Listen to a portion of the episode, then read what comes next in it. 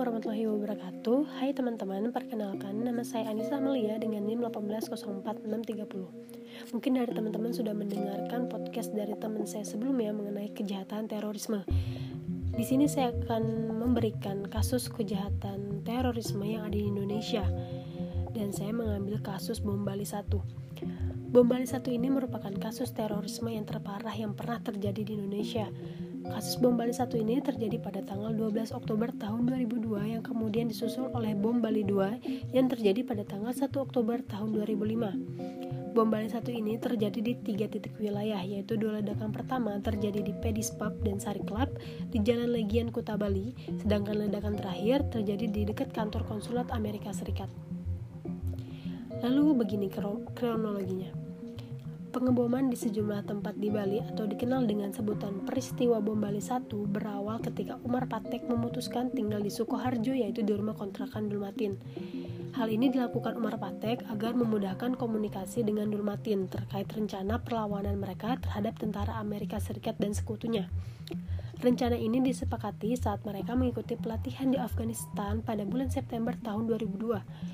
Pada saat Umar berada di rumah Dulmatin itulah, Umar ditemui oleh Imam Samudra dan mengajaknya untuk membunuh orang-orang asing yang berada di Bali menggunakan bom. Hal ini tuh diketahui saat jaksa penuntut umum membacakan surat dakwaan terhadap Umar Patek di Pengadilan Negeri Jakarta Barat pada hari Senin tanggal 13 Februari tahun 2012. Dalam pertemuan itu, Imam Samudra meminta terdakwa untuk membuat racikan bahan-bahan peledak yang akan digunakan untuk membuat bom. Saat itu, terdakwa menyanggupi permintaan Imam Samudra tersebut. Selanjutnya, Dulmati menemui Umar untuk memintanya segera ke Denpasar, Bali dan memberikan informasi bahwa Imam Samudra sudah berada di Bali. Umar pun berangkat melalui terminal Tirtona di Solo diantar Dulmatin dengan menggunakan sepeda motor. Sesampai di terminal Ubung Denpasar, Bali, Umar dijemput oleh Imam Samudra dan Idris dengan menggunakan mobil Feroja. Feroza. Lalu mereka menuju rumah kontrakan yang telah disediakan Imam Samudra yang beralamat di Jalan Pulau Menjangan Denpasar. Setelah berada di kontrakan tersebut, Umar bertemu dengan Sari Joyo, Sari Jio dan Sawat yang tengah meracik dan mencampur bahan peledak jenis potasium klorat, sulfur, dan bubuk aluminium.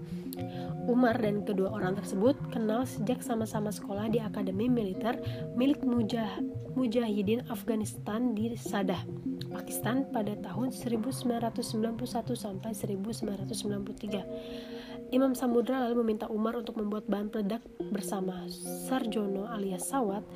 Proses pembuatan bubuk hitam itu dilakukan selama tiga minggu. Setelah itu, Ali Imron datang ke rumah itu bersama dengan Dr. Azhari Dulmatin, Muklas, Amrozi, dan Abdul Goni. Mereka datang menggunakan mobil L300 berwarna putih dengan membawa empat set filling kabinet sebagai wadah bom. Setelah bahan peledak selesai dibuat oleh mereka, Kemudian bersama Dr. Azhari dan Sawat, Umar memasukkan bubuk hitam ke dalam empat filling kabinet tersebut. Sementara itu, Dulmatin membuat rangkaian elektronik bom. Kemudian, Umar dan Dr. Azhari merangkai detonating cord dari satu filling kabinet ke filling kabinet lain. Selanjutnya, filling kabinet tersebut diletakkan di mobil L300. Setelah itu, Dulmatin melanjut, melanjutkan pemasangan rangkaian elektronik bom di mobil L300 antara filling kabinet satu dan yang lain. Umar dan Dr. Azari juga membuat bom rompi dengan menggunakan 10 potong pipa paralon yang diisi dengan bahan peledak. Selain itu juga membuat bom kotak pada Kamis tanggal 10 Oktober tahun 2002, bom mobil Mitsubishi L300, bom rompi dan bom kotak selesai dibuat dan siap diledakan. Pada hari yang sama, sekitar pukul 4 sore, Dulmatin dan Dr. Azhari mengajari Ali Imron untuk menyalakan switch bom yang terpasang di mobil, rompi, dan kotak. Cara menyalakan switch inilah yang diajarkan Ali Imron kepada Jimmy alias Arnasal Iqbal alias Isa yang telah dipersiapkan sebagai eksekutor bom bunuh diri.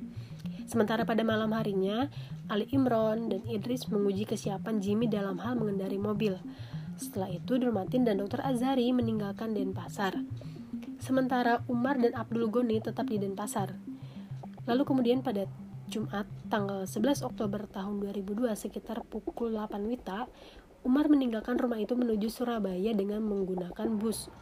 Pada Sabtu pagi, Ali Imran memasang tiga switch bom di sebelah kiri jok sepeda motor Yamaha FIZR warna merah.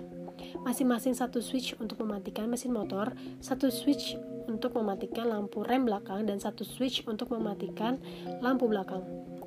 Hal ini dilakukan untuk mengelabui agar pengguna sepeda motor tak terpantau petugas. Ali Imron kemudian menentukan lokasi sasaran peledak bom yaitu di konsulat Amerika Serikat di Renon Sari Club dan Padis Pub di Legian Kuta Bali. Karena alasan mereka menaruh di situ adalah karena tempat tersebut banyak berkumpul orang asing. Lalu pada 12 Oktober tahun 2002, Ali Imron pada pukul 20.45 Wita dengan menggunakan sepeda motor Yamaha dengan membawa satu bom kotak yang beratnya sekitar 6 kg dengan sistem remote handphone. Bom tersebut kemudian diletakkan di trotoar di samping kanan kantor konsulat Amerika Serikat. Ali Imron lalu pergi ke Sari Club dan Padis Pub untuk melihat situasi serta arus lalu lintas. Setelah itu, Ali Imron kembali ke rumah kontrakan tersebut. Kemudian sekitar pukul setengah sebelas malam, Ali Imron bersama dengan Jimmy menuju Legian dengan menggunakan mobil L300 tadi, sementara Idris mengikuti dengan menggunakan motor Yamaha. Setibanya di lokasi, Ali Imron menyuruh Iqbal untuk mengenakan bom rompi dan menyuruh Jimmy untuk menggabungkan kabel-kabel dari detonator ke kotak switch bom mobil L300. Selanjutnya ketika mendekati pertigaan Jalan Legian, Iqbal dan Jimmy telah siap untuk melakukan aksi bom. Pada saat itu, Ali Imron turun dari mobil L300 yang telah diparkir sekitar 50 meter dari pertigaan. Selanjutnya Jimmy mengambil alih kemudian untuk melaksanakan tugasnya melakukan bom bunuh diri di depan Sari Club. Sementara Iqbal melaksanakan tugasnya untuk meledakkan bom rompi di Pedis Pub. Di lokasi tersebut, Idris menjemput Ali Imron, Ali Imron dengan sepeda motor Yamaha menuju jalan Imam Bonjol. Nah, dari tempat inilah Ali Imron menggunakan handphone sebagai remote control dan menekan nomor handphone yang terpasang pada bom yang telah diletakkan di depan konsulat Amerika tersebut.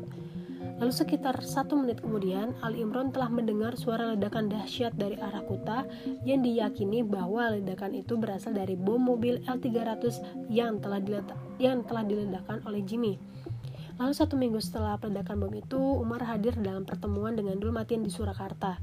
Pertemuan tersebut dipimpin Muklas dan dihadir oleh Amrozi, Imam Samudra, Dulmatin, Al Imron, Sawat, Abdul Goni, dan Idris. Pertemuan tersebut membahas keberhasilan pengeboman di Bali. Nah, dari kasus bom ini uh, setidaknya sebanyak 187 orang telah teridentifikasi, 5 jenazah belum di, belum teridentifikasi dan 197 potongan tubuh belum teridentifikasi. Ledakan ini juga mengakibatkan 422 unit fasilitas publik rusak, di antara jaringan telepon, listrik, dan saluran PDAM. Sekian dari saya, terima kasih. Wassalamualaikum warahmatullahi wabarakatuh.